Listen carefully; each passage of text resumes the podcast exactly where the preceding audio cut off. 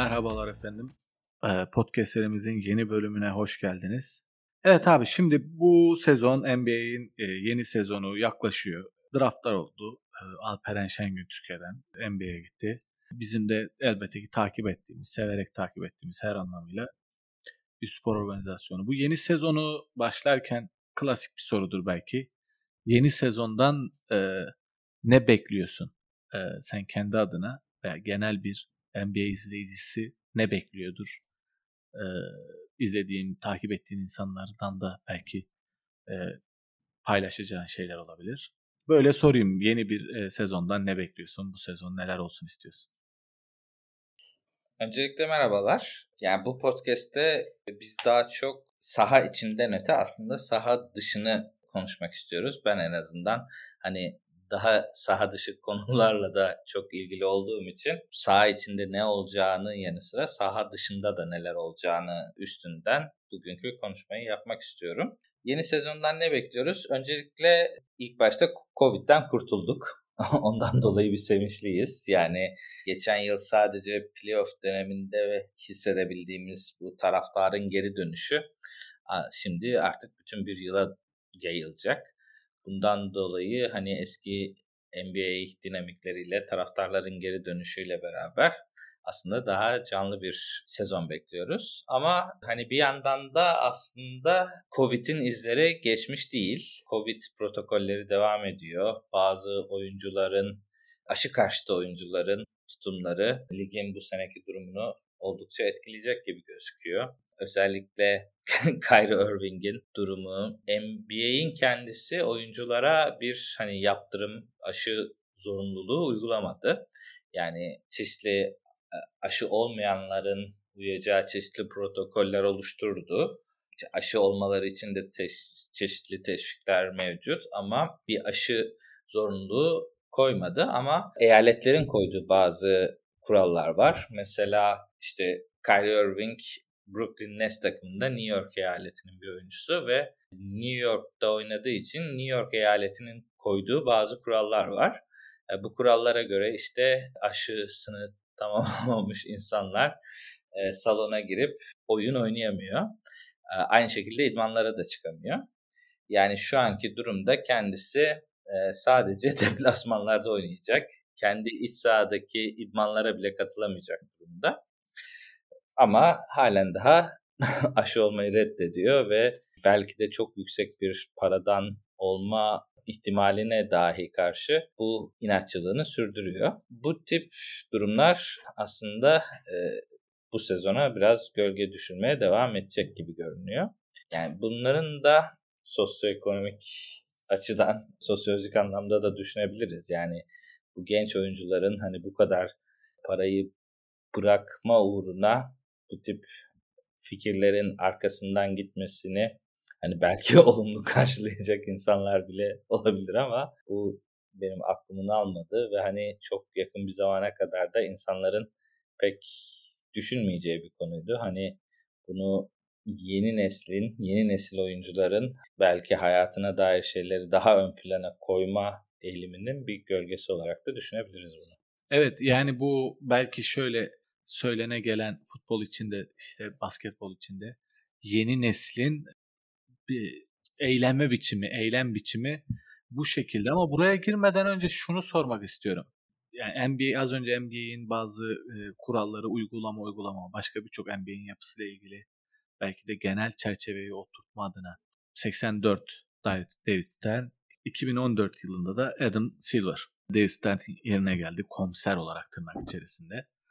Bu değişim ve bu değişimden sonra e, belki de NBA'in genel yapısı, bugün belki de Covid'le bu yapının da, bu Covid önlemleriyle bu yapının da e, iyi veya kötü anlamda nasıl refleks gösterdiğini değerlendirecek olursan neler söylersin? Evet yani çok güzel bir noktadan girdin. Mesela Adam Silver öncesi yani 2014 öncesi yapıda David Stern'ın astığım astık kestim kestik şeklinde bir yönetim biçimi vardı. Yani Covid o dönem olsaydı muhtemelen herkesi kendi eliyle aşılayacak bir komisyonerimiz vardı. Yani daha sert önlemler ve sert e, kurallar ve o kurallar ekseninde aslında NBA'in gelişimi yaşandı. ondan sonra aslında bir yumuşama bekleniyordu. Çünkü bir hani çağın bahsettiğimiz gibi yani çağın değişimiyle 30 yıllık bir dönemin sonunda ve hani çok de, yani artık nesillerin değişmesiyle ve yeni gelen nesli yönetecek bir e, yeni yönetim anlayışının gelmesini bekliyorduk. Bu anlayışı da aslında Adam Silver geçişi aslında çok yumuşak bir şekilde başardı. Yani ne David Stern kadar astı astık kestiği kestik bir durum e, bir yönetim tarzı var. Ancak hem yeni nesil millennial oyuncuları da aynı şekilde idare edebilecek bir yönetim yapısını NBA'ye oluşturmaya çalışıyor. Ama bunun yapabilmesinin bir önemli nedeni de aslında takım sahiplerinin de bu değişimden etkilenmesi. Yani 2010 sonrası bir takımda el değiştirdi. Sadece bir yönetim değişimi değil, takım sahipleri de değişti. Eski daha Amerikan stili petrol ya da işte Wall Street zenginlerinden yavaş yavaş e, tek milyarderlerine bir kayma oldu. Yani ilk Mark Cuban zaten çok teknoloji alanında çok zengin bir insandı. Onun üstüne Steve Ballmer takım aldı. Paul Allen'ın bir takımı vardı ve hani en son Joe Tai de e, Brooklyn Nets'i aldı. Hani böyle bir daha gençlerle çalışmaya alışık ve hani daha daha hızlı sektörlerde çalışan takım sahiplerinin varlığı bu tip bir yönetimi aslında yaşanılabilir kıldı ve işte 2019 sonrasında hani 15 tane takım el değiştirmiş durumda. Yani bu değişim de aslında çok hızlı bir şekilde devam ediyor. Bunun hani bir diğer sonucu da oyuncuların lig yavaş yavaş hani takım sahiplerinin veya işte sert bir komisyonerinin ligi olmaktan daha oyuncu odaklı oyuncuların kendi isteklerini yapabildikleri bir hani lige doğru yavaş yavaş evriliyor. Buradan bu yani bahsettiğin o e, yönetimin değişmesiyle birlikte belki de az önce söylediğin o şeyi belki biraz daha açma adına hani e, var olan yeni yöneticilerin hitap ettiği kitlenin veya kendi işlerinde hitap ettikleri kitle, kitleyle NBA takımlarının da en azından takım oyuncularında hitap ettiği kitlenin belki benzeşmesinden dolayı daha uyumlu yönetim oyuncu şeyi var. Ama burada daha önceki kendi aramızdaki sohbetlerimizden falan konuştuğumuz oyuncuların çok fazla etkin olması NBA'in sürecinde. Bu da aslında NBA'in yapısı içerisinde, NBA'in şu andaki yeri içerisinde bir farklılık oluşturuyor mu? Yani evet yönetim ve NBA'in genel şeması değişiyor ama oyuncuların da bütün etkinlikleriyle beraber bakışı da sürekli değişiyor. Yani en son senin Covid ile ilgili verdiğin işte belki bir örnek olarak LeBron James'in de işte çıkıp şey yapamaması öyle bir büyük büyük bir markanın çıkıp Covid konusunda ya evet ben aşımı oluyorum ama bunu kimseye de tavsiye etmiyorum gibi bir açıklama yapması da bir örnek verilebilir. Oyuncuların bu konuma gelmesini nasıl değerlendiriyorsun bu kadar etkin ve NBA'in genel şemasını etkileyebilecek konumlarını? Yani bunun temel sebebi yani salary cap'in varlığı aslında. Çünkü işçi işveren ilişkilerine bakarsan eğer birisi ne iyi para veriyorsan hani parayı veren genellikle düdüğü çalıyor ve hani e, genelde elemanına hani çok para veriyorsan orada patronun söz geçer ama eğer çok para veremiyorsan bu sefer hani yanaklarla biraz elemanını kandırma yön, yöntemine gidersin. Yani NBA'deki olay biraz buna benziyor. Salary cap'ten dolayı, salary cap'in varlığından dolayı e, oyuncuların alabildiği para aslında kısıtlı. Belli bir revenue'ya göre bir hesaplama var. Bu hesaplamaya göre bu revenue'nun yarısını oyunculara dağıtabiliyorsun. O yarısını da daha hakkaniyetli bir şekilde dağıtılmak için bir sistem oluşturulmuş. O yüzden mesela LeBron James'i takımına getirmek istiyorsan hani böyle bir açık arttırma şeklinde en yüksek parayı veren getiremiyor. Yani LeBron James'in alabileceği maksimum para belli. Bu para belli olduğu için onu etkilemek için de artık daha başka yöntemler denemeye başlıyor yöneticiler ve bu yöntemlerin en büyük olanı insanlara tabii ki yetki vermek. Yani Sen elindeki yetkileri yavaş yavaş kullandırıp tamam sen gel takımda söz sahibi ol, transferlerde söz sahibi ol. Senin arkadaşın da gelsin, yancına da işte 10 milyon verelim. o şekilde bir düzen kurduğun vakit e, artık o takım seni tercih ediyor. Böyle bir yapı olduğu için de artık hani astım astık kestim kestik gibi bir hani takım sahibi de ortaya çıkamıyor. Çünkü hani o oyuncunun canına minnet zaten aldığı para da değişmiyor. Sırada bekleyen bir sürü de takım sahibi var, takım var, menajer var. O yüzden istediği takıma gidebiliyor. Bu durum işte oyuncuları hem menajerler üstünde hem de koçlar üstünde de çok söz sahibi yapıyor. Yani bir takım koçla oyuncu ters düştüğü zaman koçun arkasında genellikle duramıyor. Genel olarak o oyuncuyu korumak durumunda kalıyor. Yani böyle olduğu zaman da artık oyuncu koçun da üstünde bir hakimiyet kuruyor. Herkesin de üstünde bir hakimiyet kuruyor. Zaten popülaritesi de yüksek. Bu nedenle hani böyle bir yavaş yavaş oyuncu bazı bir düzen kuruluyor. Bunun yanı sıra bir de tabii şu var. Daha fazla para veremediğin için biraz da hani başarıya gitmek için de bazı oyuncular biraz paradan fedakarlık edip çeşitli hani Avengers diyebileceğimiz ekipler kuruyorlar. Üç tane süperstar birbiriyle anlaşıp hadi biz Brooklyn'e gidelim. Brooklyn çok güzelmiş. Orada buluşalım deyip işte şu anki Brooklyn Nets örneğinde olduğu gibi Kyrie, Kevin Durant, Harden üçü beraber e, aynı takımda buluşup belki bir miktar paradan feragat edip ama hani şampiyonluğu kazanıp şampiyonluktan gelen popülarite ya da reklamdan dolayı hani bunu kompanse edip bu çeşitli ekipler kurabiliyorlar ve bu ekipleri kurabilecek popülerdeki oyuncular da tabii daha tercih edilebilir oluyor. Evet buradan şuna geçmek istiyorum. Şimdi bu LeBron James, Kyrie Irving örneklerinin şöyle bir tarafı var. Biz uluslararası bir meselenin, global bir meselenin bir tarafına düştüler ve global kabul edilir görüşün karşı tarafına düştüler. Tabii ki karşı tarafta da çok ciddi e, kitleler var. Ama e, bu mesele belki çok sağlıkla ilgili, politikayla ilgili bir mesele olarak görülse de bunun bir de ekonomiyle ilgili bir tarafı var. Yine politikayla ilişkili. Globalleşmenin. E, tabii ki NBA de diğer ligler, e, futbol ligleri vesaire kuruluşlar gibi e, şeyini etki alanını arttırmak istiyor. Para kaynaklarını, gelir kaynaklarını arttırmak istiyor ama burada bazı e, handikaplar da oluşuyor. Yani mesela bir bakıyoruz bir takımın yöneticilerinden biri uluslararası bir meseleyle ilgili bir tweet atıyor, bir şey yapıyor. Çin, Hong Kong meselesiyle ilgili mesela Houston Rockets'ın e, yöneticisi bir tweet atıyor. Oradan bir sürü karşılık geliyor. Çinliler e, başlıyorlar bu sefer e, Yao Ming gibi bir oyuncularının oynadığı bir takım hakkında şöyle böyle konuşmaya falan. Bu meseleyi nasıl değerlendiriyorsun? İşin bir de bu boyut var. Yani LeBron James bir şey yapıyor ama o sadece Amerika'da bir takımı ilgilendiren bir mesele olmuyor şu anda. Yani işin politik boyutu tabii çeşitli. Bah bahsettiğim boyutu tabii çok önemli ve hani onun açıkçası çok bir çözüm yolu yok gibi. Yani bahsettiğin türde özellikle verdiğin örnek çok önemli bir örnek aslında ve hani e, ligin gidişatı açısından da önemli bir örnek. Yani adamın tek yaptığı şey e, Free Hong Kong şeklinde bir tweet atmak. Hani bu, bu tweet dışında hani başka bir şey yapmadığı halde e, Çin hükümeti NBA üstüne bir e, baskı kurabiliyor ve bu baskının üzerine geri adım atabiliyorlar ve hani bunun temel nedeni hani Çin pazarının NBA üstünde ve gelirler üstünde etkisi. Yani bu çok açık.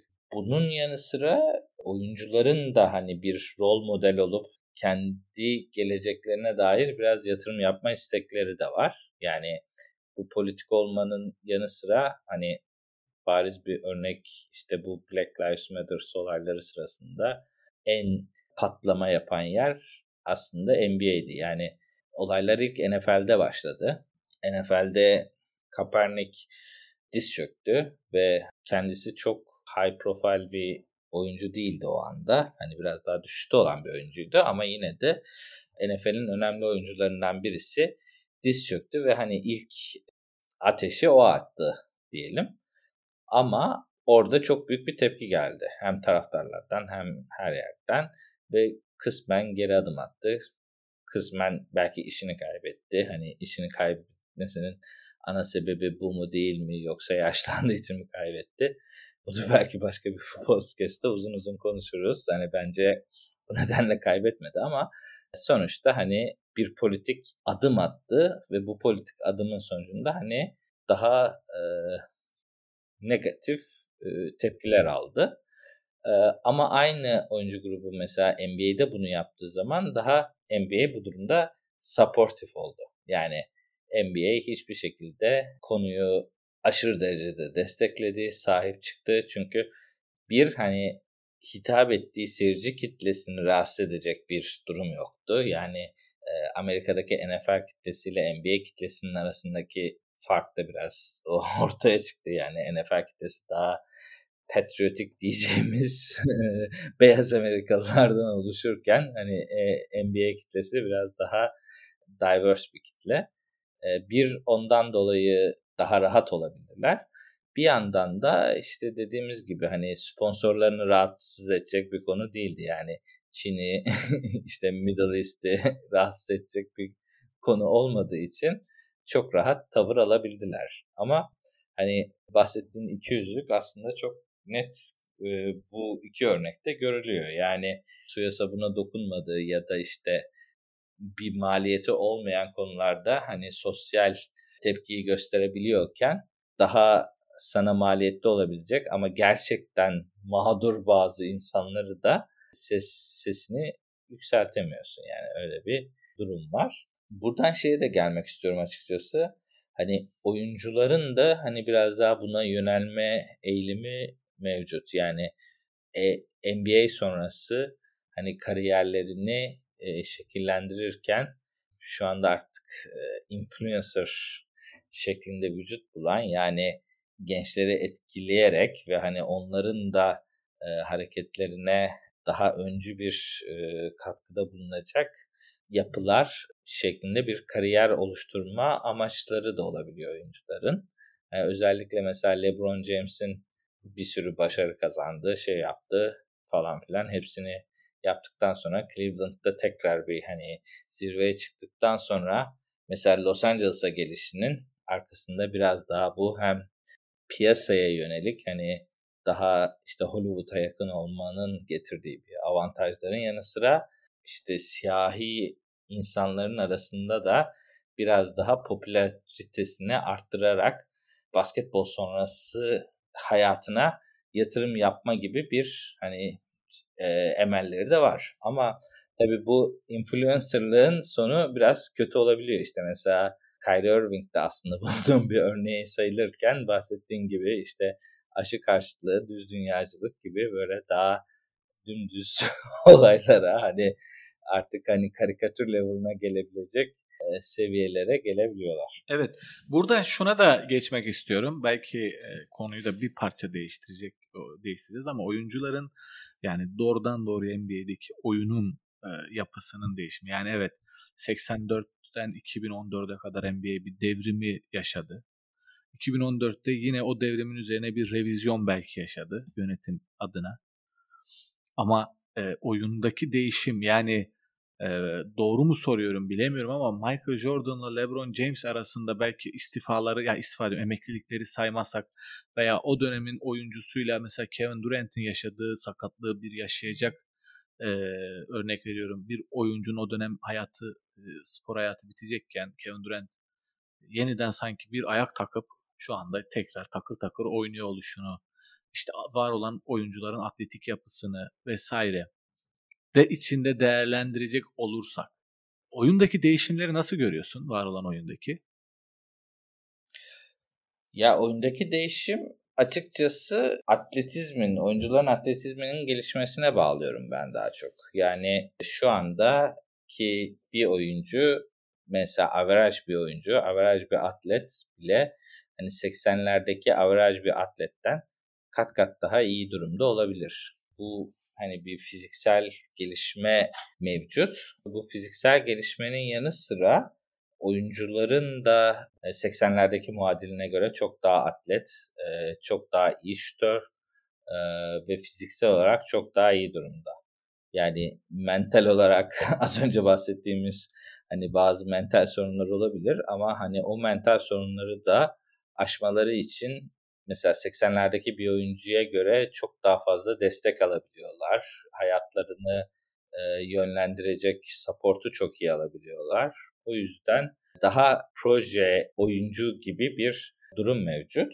Bunun yanı sıra tabii NBA'deki bu paraların artması sebebiyle hani bahsettiğimiz işte yayın gelirlerinin çok artmasından dolayı son yıllarda NBA oyuncularının ücretleri çok astronomik bir şekilde büyüdü.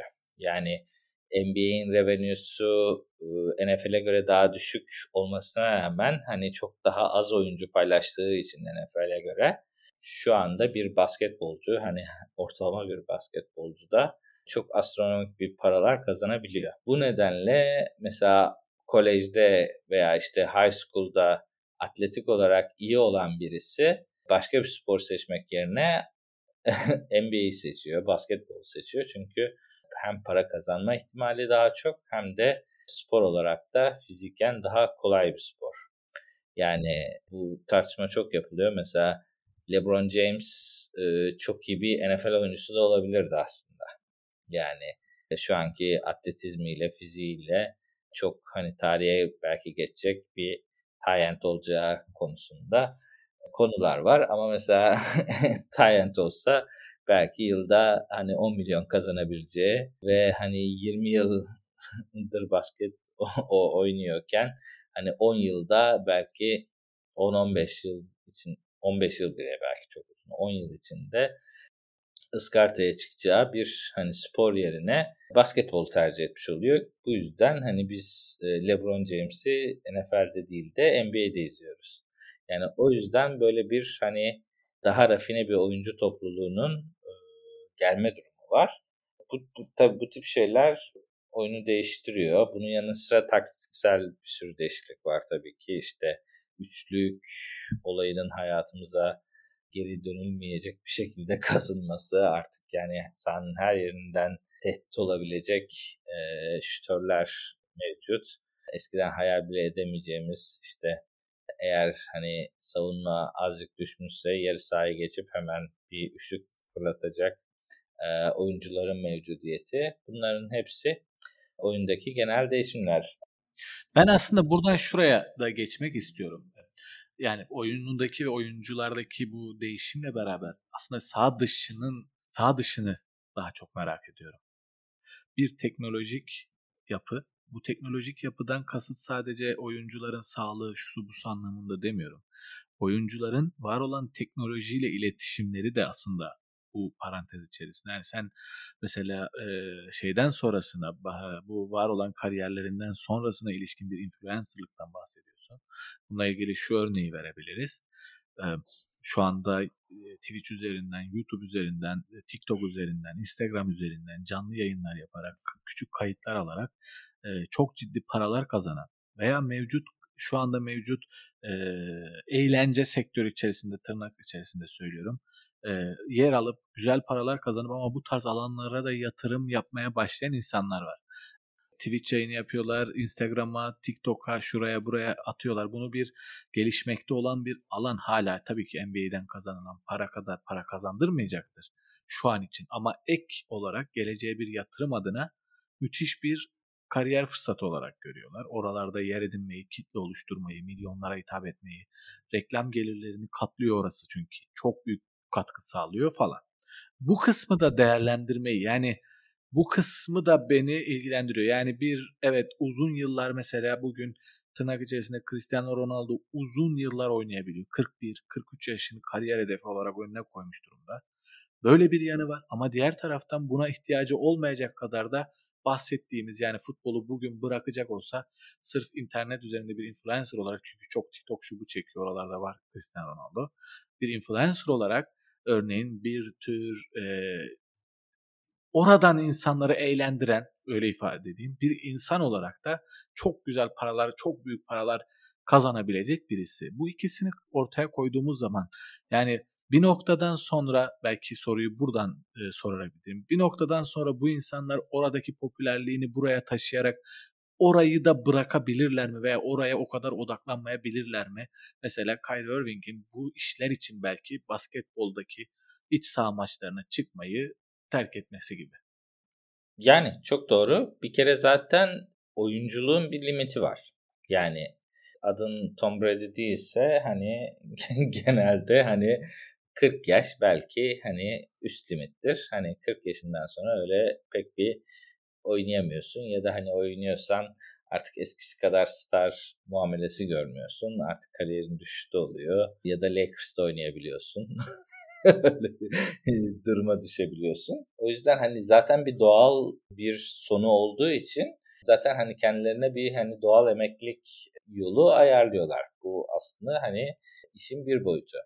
Bunun dışında da hani bahsettiğin şey çok doğru ve bu şeyle de çok ilintili. Yani sen bir oyuncu olarak hani bunlar da hani sonuçta etten kemikten insanlar. Yani ge- genel olarak hani normal bir insan ne yapıyorsa hani benzer şeyleri yapıyorlar. Mesela Michael Jordan 80'lerde işte kolejdeyken boş zamanlarında hani antrenmandan çıktığı zaman e, kumar oynuyormuş. Çünkü o zamanlar video game'ler falan filan yok. Hani öyle bir ortam yok, şey yok. O yüzden hani çıktığında daha rekabetçi yapısından dolayı belki kağıt oynuyordu. Belki bazı başka bir şey yapıyordu. O yüzden daha oyuncu olduğu sırada da hani e, o tip işlere yöneldi. Daha bugünkü gençlik çıktığı zaman video game oynuyor.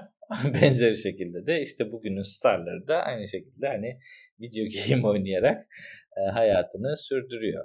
Orada bahsettiğin ekstra da bir hani takip edilme durumu var. Yani mesela Jordan bugün bir basketçi olsaydı hep Jordan örneğinden konuştuk ama aslında çok doğru bir örnek. Çünkü Jordan bugün belki olsaydı hani ortalama bir oyuncu falan olacağı e, durumda olabilirdi. Yani yaptığı bir sürü controversial hareket görünmüyor bile. Taraftar görmüyor, şey yapmıyor. Yaptığı e, gösterdiği üstün performanstan dolayı hasra altı edilen bir sürü olay olmuş, şey olmuş. E, bu tip gibi şeyler var ama mesela şu anki dünyada hani bir oyuncu belki bir hata yaptığı zaman hani iki trend topik olmaya falan bakabilir yani çok e, yanlış bir şey yaparsa bütün kariyerinin üstü çizilme ihtimali var. Benzeri şekilde oradan kariyer build etme imkanı da var. Yani çok daha farklı dinamiklerin işlediği bir dünyada yaşıyoruz. Tam bunu sormak istiyordum abi. Bütün şey final belki de noktası bütün çünkü konuyla ilişkili. Az önce genel yapıda biz isim olarak bir devrimci olarak David Stern'den bahsettik. 84 yılından ve 84 yılında bir başka isim var NBA'de. Michael Jordan. Aynı yıl. Ve bu ikisinin bence çok iyi bir ilişkisi var. Yani Michael Jordan'ın bu kadar büyük isim olmasının, herkesin böyle sürekli her şeyini takip ed- etmesinin, büyük rekabetlerin, büyük başarıların, bitti gittilerin falan 84-89 arası belki 84-93 arası belki o sürecin e, bence tırnak içerisinde bir NBA'in pazarlamasıyla ilişkisi vardı. Bu bir. Bunu nasıl değerlendirirsin diye soracağım ama bununla şunu da soruyorum. Bugün NBA'in bu tarz bir pazarlamaya ve böyle bir yıldız parlatmaya ihtiyacı olmadığından belki bugün e, bir kimseyi parlatmak yerine hepsi parlayan birden fazla yıldıza sahipler. Şimdi baktığımız zaman galaksi gibi yani bir taraftan bakıyorsun Kevin Durant, bir taraftan LeBron James, bir, bir taraftan e, Yunan tanrısı, bir taraftan yani bir sürü isim var ve hepsi e, e, bir, bir Jordan değil yani. Evet şimdi o ayrı bir şey. tam bunu tam buraya getireceğim. Yani bunu nasıl ilişkilendiriyorsun? Yani Michael Jordan çok spesiyel belki ama bu tarz bir pazarlamanın da ürünü müdür aynı zamanda? Ya kesinlikle öyledir. Yani e, ben Joe yani şu anda hadi God tartışmasında ben yine hani e, bu, bu programın şeyi God e, Jordan mıdır, LeBron mudur tartışması olsaydı ben gene Jordan'ı savunurdum. Yani ben hala Jordan'ın gelmiş geçmiş en iyi, e, en influencer basketbolcusu olduğunu düşünüyorum yani.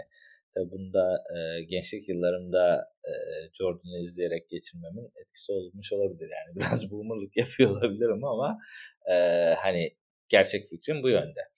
Ama hani aynı zamanda mesela Jordan bugün oynasa ben bu kadar başarılı olacağını açıkçası düşünmüyorum. Yani bir sürü önüne engel çıkacaktı, bir sürü çeşitli şeylerle karşılaşacaktı, engellemelerle karşılaşacaktı. Yani en mesela basit bir örnekle hani mental bir sıkıntıyla karşılaştığı zaman iki yıl basketbola ara verdi.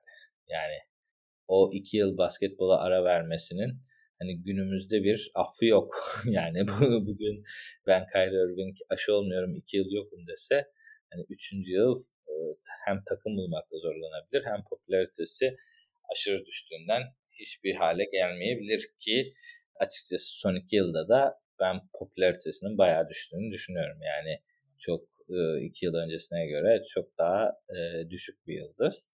Kyrie Irving son iki yıldaki o saçma sapan hareketleri hani basketbola ara vermesi gibi değerlendirirsek aldığı tepkilerden dolayı çok da hani başarılı olamıyor. Şimdi bu bu açıdan bakarsak dediğim gibi hani Jordan'ın yani bugünün dinamikleri bence çok daha farklı bir dinamikler var. O yüzden mesela bugünün starları da daha farklı nitelikleri olan starlar. Yani hani bu konuda bence ayrı bir podcast yapalım bugün burada bitirelim de e, Yannis'in ya da Doncic'in hani neden star olduğunu hani günümüzün starları bağlamında düşündüğümüzde neden bu isimlerin sıyrıldığı üstüne tekrar konuşabiliriz açıkçası.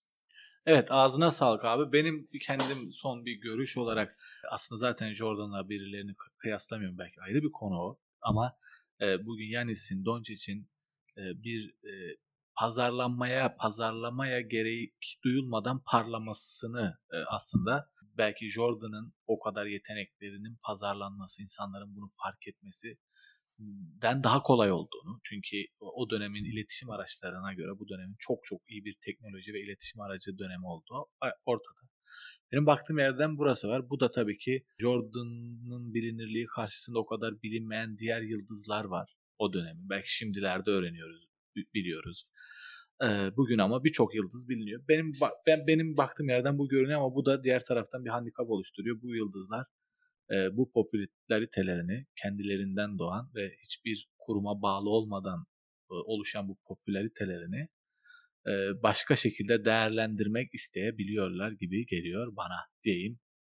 Çok güzel yerde bağladın. De- dediğim gibi bu konuda ayrı bir podcast yapalım. Ee, Yannis ve Doncic üstünden. Ben teşekkür ederim abi sana. Dinleyenlere de ayrıca teşekkür ediyorum. Umarım bu bölümü beğenmişsinizdir. Görüşmek üzere. Görüşmek üzere.